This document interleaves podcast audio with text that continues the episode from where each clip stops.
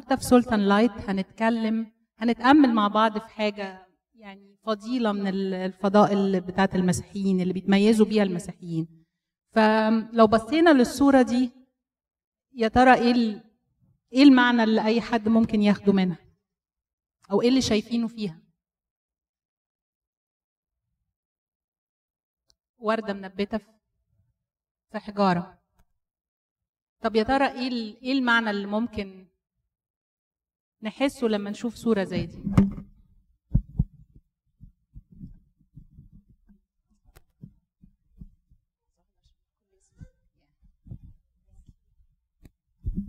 ظروف صعبة تطلع منها حياة يعني إنه الن- الظروف الظروف الصعبة ممكن تطلع منها حياة. يعني ال- الصورة دي بتدينا مثل عن إن في في أمل إن ممكن الحاجة اللي بتبان للناس وحشة ممكن يطلع منها حاجة كويسة. آه، وهو ده موضوعنا الأمل أو الرجاء زي ما الكتاب المقدس بيقول عليه. دي من الفضائل اللي بيتميز بيها المسيحيين. يعني ده النور اللي الناس بتشوفه فينا. إن إحنا يمكن أكتر ديانة آه، أو الديانة ال- ال- اللي هي أكتر ديانة اتوجدت بتدي للناس رجاء هي المسيحية. وعشان كده المسيحيين دايما بيتميزوا بالصفة دي. الناس بتشوف فيهم إنهم مختلفين. يعني في وقت الضيق أو الشدة بت... الناس ممكن تشوفهم مطمنين ممكن يكونوا فرحانين الناس ممكن ما تفهمش ليه هم كده. لكن لأن ال... آه، الرجاء الرجاء ابتدى مع بداية البشرية بداية الخليقة ويمكن أول رجاء رجاء هو كان الرجاء في الخلاص اللي ربنا اداه الوعد اللي ربنا اداه لآدم وحواء بعد السقوط إنه قال لهم نسل المرأة يسحق رأس الحي. فالخليقة كلها كانت منتظرة الخلاص. حتى الناس الأبرار اللي عاشوا وماتوا قبل المسيح ما يتجسد آه، رقدوا على الرجاء وقال عنهم بولس الرسول إنهم لم ينالوا المواعيد ولكنهم عاينوها من بعيد وصدقوها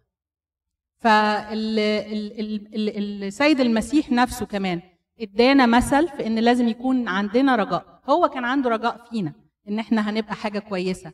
إنه اتقال عنه إنه فتي قصبة مردودة لا يقصف وفتيلة مدخنة لا يطفئ. يعني عمره ما يئس من إن إحنا ممكن نبقى أحسن من الحالة اللي إحنا فيها. ولذلك إحنا المفروض المسيحي الحقيقي إنه يكون عنده الرجاء ده. وهو إيه الرجاء؟ هو الأمل في إن حاجة كويسة هتحصل. الأمل وإن إحنا مصدقين إنها هتحصل. يمكن مش عارفين هتحصل إمتى لكن بننتظرها ومتشوقين إنها تحصل. يمكن في آيات كتير في الكتاب المقدس قالت عن الرجاء بس اخترت الآية دي النهارده علشان آه، نشوف آه، إيه اللي قاله آه، بولس الرسول في رسالته الأولى لكورنثوس الإصحاح 13 عدد 13 آه، أما الآن فيثبت الإيمان والرجاء والمحبة هذه الثلاثة ولكن أعظمهن المحبة. هو في الإصحاح ده كان بيتكلم عن المحبة لكن في الآخر قال آه، بينصح يعني ال- ال- المسيحيين إن يثبت فيهم الثلاث حاجات دول. آه، طبعا هو قال الإيمان والرجاء والمحبة حط الرجاء في النص. هي الترتيب ده أكيد مش تبع أهميتها لأنه في الآخر قال هذه الثلاثة ولكن اعظمهن أعظمهن المحبة اللي هو قالها في الآخر. فيا ترى إيه علاقة الرجاء بالإيمان والمحبة؟ ليه حطهم في النص؟ ليه حط يعني الرجاء في النص؟ آه، لو اتأملنا فيها هنلاقي إن الرجاء بيعتمد على الإيمان. يعني الإيمان هو اللي بينتج رجاء. عشان يبقى عندنا رجاء أو أمل لازم يكون عندنا إيمان.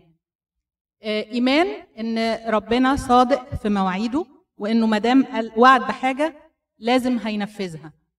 فالإيمان بيخلي عندنا رجاء إن إحنا بننتظر المواعيد دي وبننتظرها بلا حدود يعني ما بننتظرش شوية ما اتحققتش نيأس فعلى قد إيماننا هيكون رجائنا.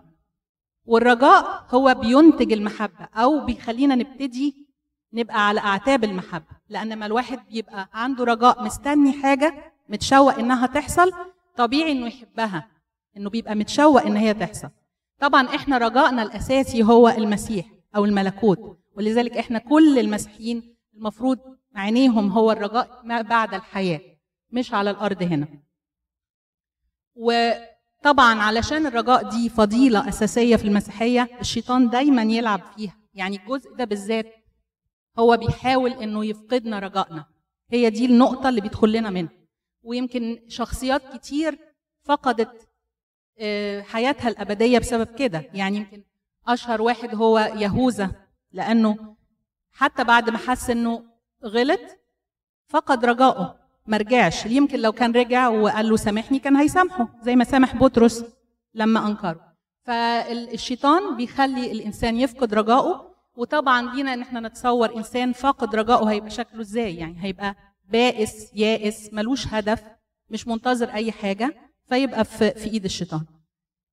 بعكس طبعا الإنسان المسيحي اللي بيشع فرح اللي عنده دايما رجاء والناس بتشوف في ده فهو ده النهارده هو النور اللي بيشع من المسيحيين. ربنا يدينا إن إحنا يكون عندنا الفضيلة دي و thank you very much